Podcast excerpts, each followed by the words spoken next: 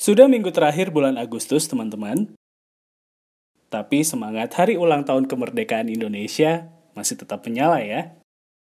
Tahun ini kemerdekaan dimaknai dengan spesial. Angka yang istimewa, yang juga dirayakan dengan cara yang istimewa. Kali ini saya bakal ngobrol sama sahabat saya, Nugraha Pradana. Anak muda yang punya tekad kuat untuk menghijaukan Indonesia. Kita simak yuk ceritanya. Di Bicara Makna, Makna Kata Podcast, bareng saya, Fendi Rahman.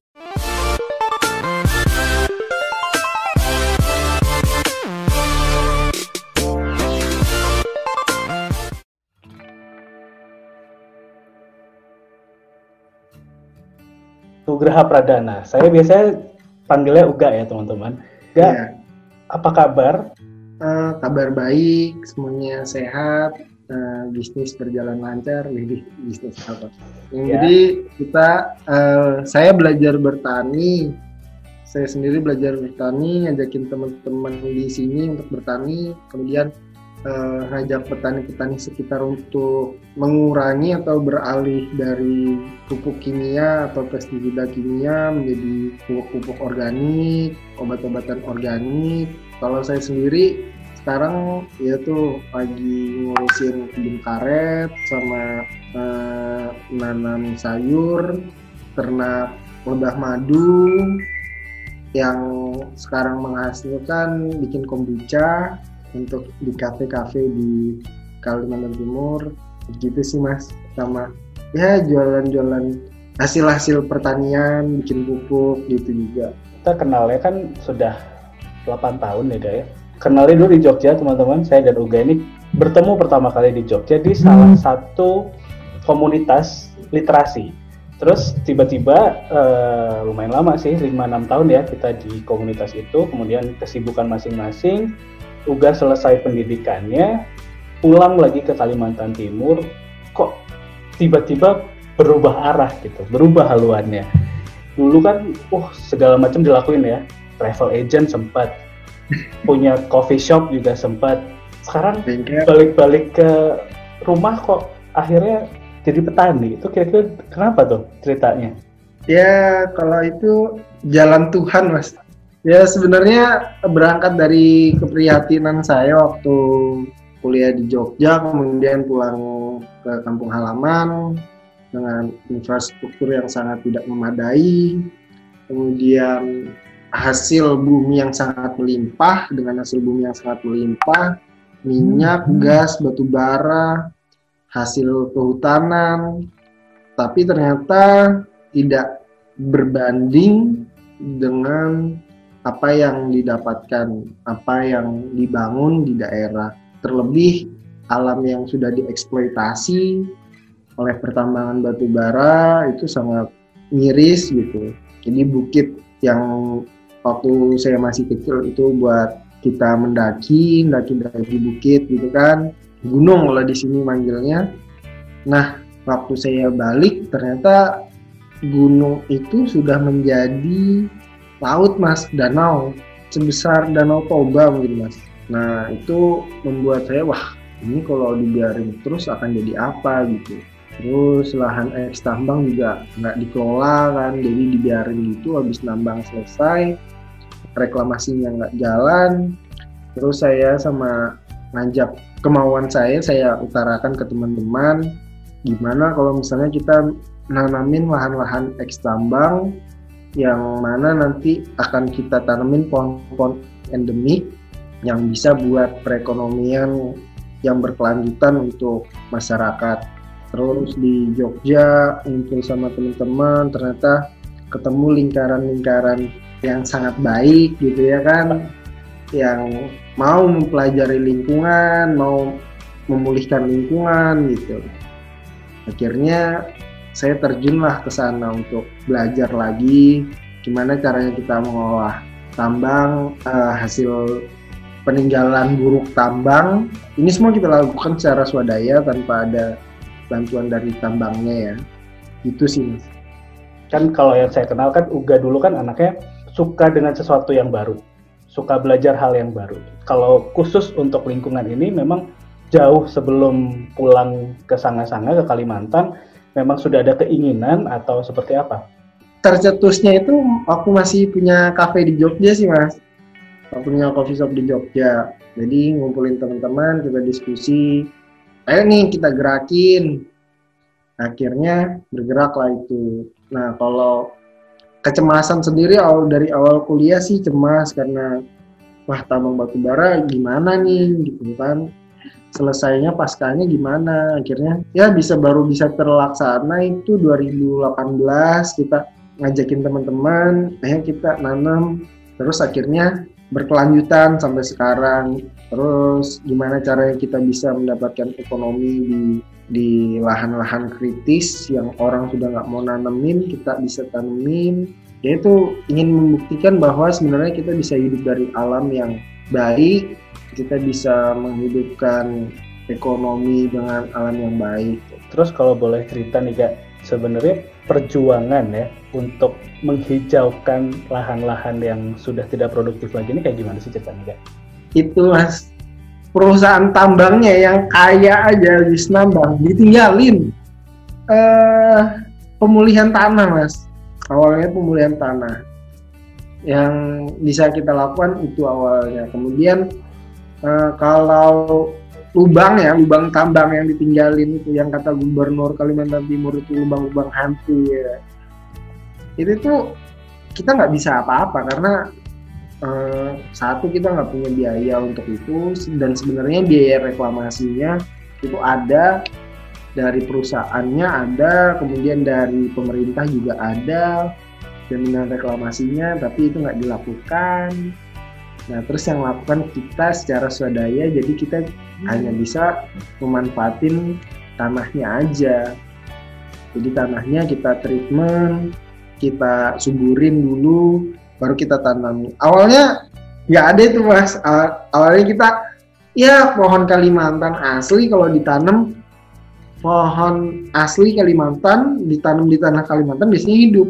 Eh ternyata enggak dong mati semua mas. Pertama kali itu nanam dari 18 mati semua. Terus akhirnya belajar lagi juga belajar lagi sama para pakar biowater, pemulia tanah kayak gitu sama ahli penyakit dan tanaman sama ahli agroforester di Jawa Barat, di Jakarta, di Jogja, di Malang. Akhirnya bisa kita memakai tanah yang eks tambang itu untuk keberlangsungan hidup kembali. Langkah apa yang paling susah gitu menurut juga?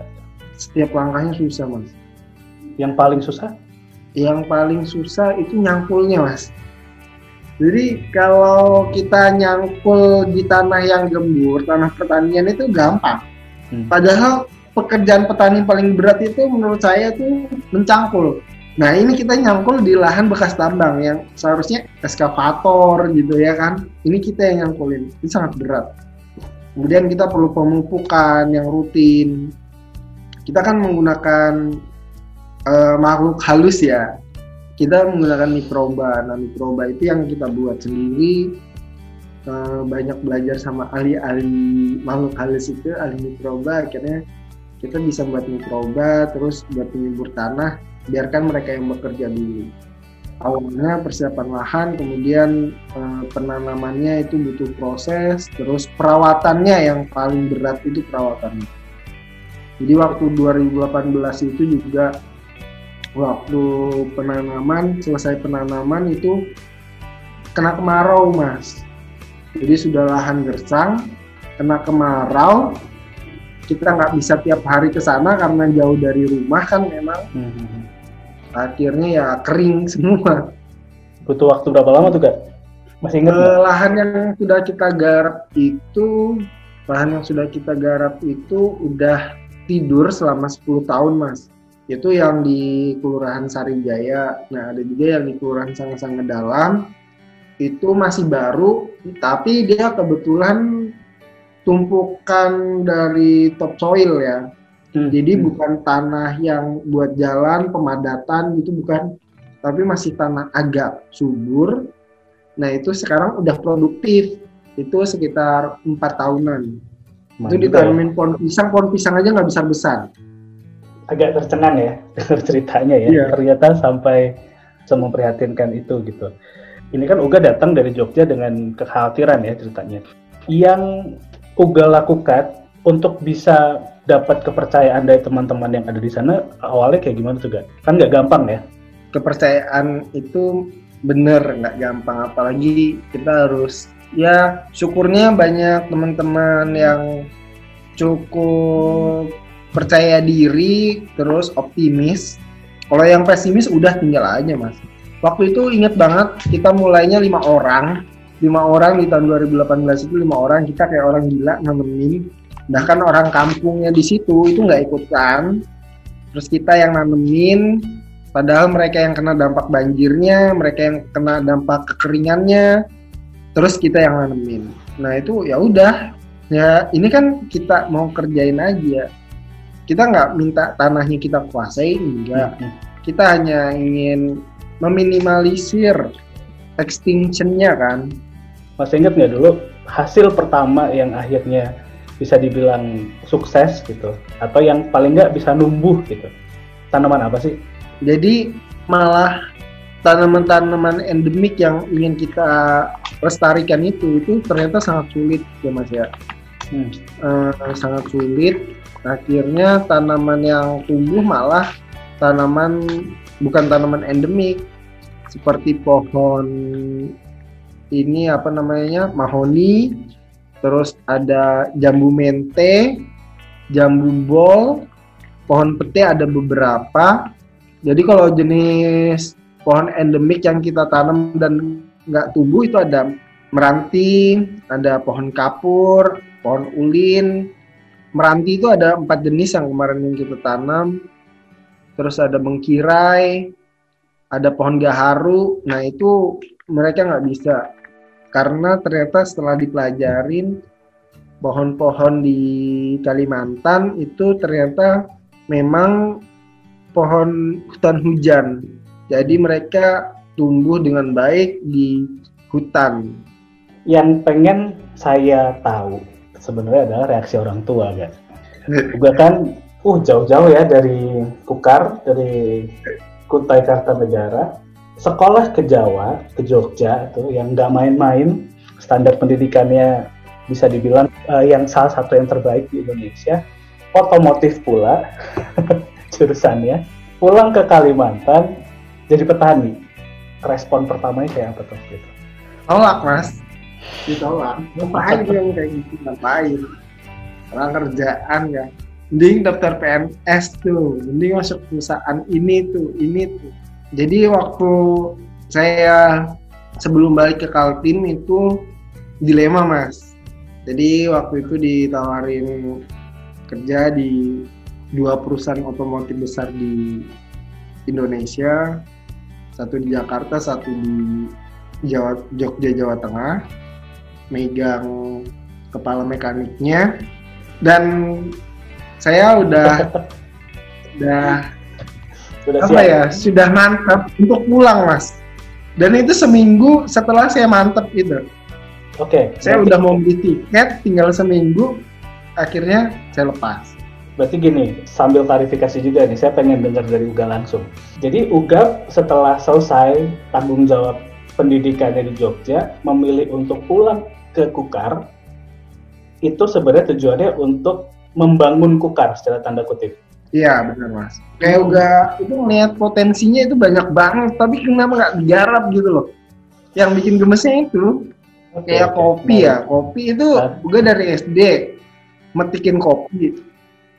Sekarang kopinya hilang. Bahkan di peta kopi Indonesia hmm, Kalimantan nggak masuk. Ih gila nih kita main kopi kan sampai deep ya sampai Hmm. bagian paling deep gitu kan Mas Fendi tahu kan gimana ya. aku ke mana-mana cari petani kopi Dan kita nyobain kopi ke mana-mana ya.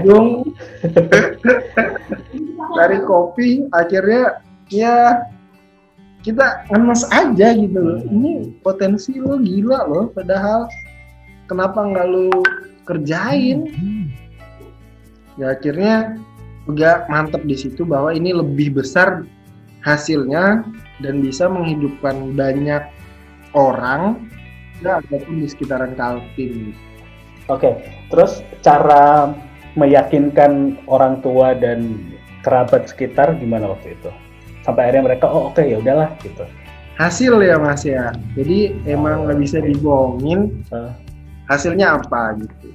Dibuktiin aja hasilnya apa. Akhirnya ya udah buktiin. Nih hasilnya seperti ini. Hasilnya awalnya ya ya sampai sekarang juga tuh mana tuh hasilnya setelah satu tahun kamu di sini kayak gitu namanya hidup slow living ya beda banget sama sama prinsip kapitalis beda banget kan dia harus tas tas tas tas hmm. tapi kan slow living tapi ada terus kalau saya boleh tanya kita kan sudah terbiasa hidup di kota besar ya guys ya di Jogja yeah. di Jakarta dan kita sama-sama kenal gitu. Saya kenal Uga Uga kenal saya juga. Sekarang setelah lama nggak ketemu dua tahun kita nggak ketemu mending hidup dinamis seperti dulu atau hidup dengan banyak pemakluman slow living seperti sekarang? Slow living mas. Slow living. Gila nyaman banget sumpah. Jadi gimana ya hidup yang sebenarnya tanda kutip kita bisa hedon hedonan di sana gitu tapi ternyata ada yang lebih apa yang kita cari di sini sih sebenarnya ya? kayak iya kayak bumi itu udah menyiapkan buat hidup kita gitu. tapi kenapa kita apa sih yang dikejar kayak gitu satu hal yang jadi sorotan saya teman-teman jadi waktu tanggal 17 Agustus kemarin ketika semua orang merayakan hari kemerdekaan negeri ini dengan cara yang sangat spesial ternyata teman saya yang satu ini, sahabat saya yang satu ini juga merayakan kemerdekaan Indonesia ke-75 dengan cara yang tidak kalah spesial. Ceritain dok, itu gimana tuh? Kalau upacara bendera sama nanam pohon yang barengan ya Mas ya, itu udah jalan dari 2019 kemarin. Yang jauh lebih meriah karena emang nggak ada kendala kan nggak ada kendala nggak ada keterbatasan karena social distancing dan pembatasan skala. Nah di 2019 itu seru banget mas. Jadi teman-teman LSM NGO itu datang terus banyak wartawan yang liput juga kan sampai wartawan nasional juga karena emang kita belum merdeka gitu kita memperingati hari kesengsaraan jadi masyarakat sengsara di lubang tambang yang selalu diperingatin tiap tahunnya. Semiotiknya dari upacara itu seperti itu sih. Kita sebenarnya belum merdeka gitu. Kita belum merdeka tapi kita selalu uh, memperingati hari kemerdekaan padahal masih banyak masyarakat kaum petani, kaum buruh itu banyak banget yang masih terjajah kan penanaman kalau yang tahun kemarin ya karena upacara uh, jam 7 kita melakukan penanaman. Nah kalau yang tahun ini itu kita melakukan uh, karena ada himbauan kan jam 10 17, 17 itu kita uh. harus mengirimkan Indonesia Raya, kemudian menaikkan bendera. Nah, pagi kita penanaman dan pembuatan pagar bambu, kita langsung melakukan upacara di tempat, di lokasi penanaman. Boleh cerita nggak itu berapa orang tuh berpartisipasi waktu itu? Kalau yang tahun lalu sih sampai ratusan orang ya mas. Kalau hmm. yang ini sekitar 60-70 orang aja, termasuk ibu-ibu dan anak-anak sekitar. Acara itu dijalankan di tambang-tambang atau lubang-lubang tambang yang masih belum produktif. Ya, jadi lubang bekas tambang dan hmm. lahan bekas tambang lah ya lahan bekas tambang yang itu emang ditinggalin gitu nggak ditinggalin gitu aja tanpa dilakukan reklamasi kalau yang tahun ini sih memang ada urgensinya karena danau yang berada di atas pemukiman warga itu ternyata rawan banget untuk longsor dan menimpa pemukiman warga. Jadi akhirnya kita tanami turap bambu hmm. itu biar untuk menahan air dan pohon arennya. Nah jadi itu yang kita pertahanin. Kira-kira agak setelah dua tahun ya meninggalkan kebiasaan lama di kota besar dan memilih untuk slow living di kampung sendiri di sanga-sanga.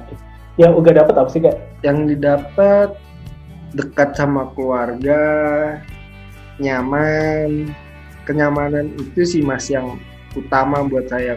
Ya walaupun butuh money ya, ya akhirnya kita bisa juga, kita bisa memproduksi money, gitu. memproduksi pundi-pundi rupiah dengan jadi kalau di sana-sana menurut saya itu kurang kreatif mas. Jadi eh, banyak banget benturan batas yang sebenarnya bisa kita optimalin. Nah, Uga membuktikan itu. Terus tiba-tiba Uga ini pernah mengupload satu kegiatan teman-teman membuat kombucha. Sebenarnya produkmu ini di diarahkan ke mana sih kak untuk distribusinya? Jadi kalau kombucha itu adalah penghasilan salah satu yang utama sekarang saat ini dan okay. produksinya masih terbatas sebenarnya banyak banget yang minta hmm. cuma eh, masih terbatas sekali masih ya beberapa liter aja sih baru sehari gitu nah yang seharusnya bisa tak-tak-tak gitu cuma ya kita menghargai proses ya hmm. itu saya belajar menghargai proses sekali untuk distribusinya oh, ke mana tuh kak ke kafe-kafe di Samarinda justru luar kota ya Iya, konsumsinya ya. Kota. Ya, karena kalau mindsetnya sih, mindsetnya kalau di sini ya, hmm. itu kan deket dengan minuman tradisional ya mas ya. Uh, rasanya deket sama minuman tradisional yang namanya tuak. Okay. Tuak itu difermentasi juga dari durian, tapi dia menghasilkan alkohol. Nah kalau kombucha tidak, karena dia dari bakteri baik, kemudian jadi jadi minuman prebiotik, dia menghasilkannya cuka hmm. yang mana itu sangat bagus untuk pencernaan, kemudian imun tubuh. Nah, jadi kalau untuk end user malah Ugang nggak nggak sanggup kalau buat end user, jadi malah ke kafe-kafe aja. Mimpinya Uga yang masih belum belum nyampe gitu apa? Kambing mas. Kambing. kambing. Gue tuh dari lama pengen punya kambing, tapi karena ngeliat putaran putaran modalnya hmm. uh, kambing agak lama gitu jadi kambing itu yang selalu gatung udah tunda dari beberapa tahun lalu jadi pengen banget lihat kambing gitu kan sering banget mas jadi di antara kan juga ada kebun karet terus kebun madu terus ada sekarang lagi mulai jamur kombucha. Itu semuanya belajar dari kalau kombucha dari teman. Tapi kambing ini hmm? kambing ini selalu belajar dari YouTube. Oh. lihat kambing datengin orang punya kambing. Tapi nggak pernah punya kambing sampai sekarang. Ada saran nggak buat teman-teman gitu ya yang lagi dengerin podcast ini yang mungkin punya ketertarikan juga untuk memilih hidup lebih dekat dengan alam? Ya sebenarnya ini momen yang pas ya kita kembali ke alam karena kita bisa melihat bahwa pandemi ini itu bisa menutup segalanya gitu. Nah, kebutuhan pangan kita sebagai kebutuhan manusia yang paling dasar itu adalah pangan. Nah, pangan kita sebagian besar bahkan garam yang kita negara maritim itu garam impor gitu. Itu kan hal yang lucu gitu. Nah, ini yang menjadi PR buat kita semua apalagi uh, teman-teman yang bisa mempunyai kesempatan untuk punya pendidikan yang baik, mempunyai teknologi dan bisa menerapkan teknologi di bidang di bidangnya masing-masing itu untuk berkarya gitu. Bahwa kalian itu bisa loh mencetak sendiri eh, lapangan pekerjaan tanpa modal yang besar gitu. Karena juga kemarin dari statistik pertanian petani itu rata-rata umurnya 40 ke atas gitu. Kalau 40 ke atas itu selesai, terus kita mau makan apa? Yang kayak gitu sih Mas yang perlu kita ilhami lagi gimana caranya kita bisa membuat lapangan pekerjaan dan menciptakan pangan kita sendiri untuk ya nggak impor lagi bahkan kalau bisa kita ekspor gitu. Saya pengen dengar terakhir statement singkat menurut Uga, bertani adalah Pilihan hidup. Nugal Pradana terima kasih banyak buat waktunya. Terima kasih Semoga- banyak. Sukses untuk semua pilihan hidupnya dan semua usaha-usaha yang dilakukan di kampung halamannya. Terima Baik. kasih banyak, sukses terus ya. Terima kasih banyak Mas Fendi. Sukses terus untuk job desk job desknya yang luar biasa. Itu tadi obrolan bareng sahabat saya Nugraha Pradana. Jadi, gimana? Tertarik nggak buat ikut menghijaukan Indonesia? Kalau kamu punya ide yang seru, saran atau kritik, bisa DM saya via Instagram atau Twitter di @fendirahman atau kirim emailnya di fendirahman@gmail.com. Terima kasih sudah mendengarkan makna kata podcast. Saya pamit. Ketemu lagi minggu depan ya, teman-teman.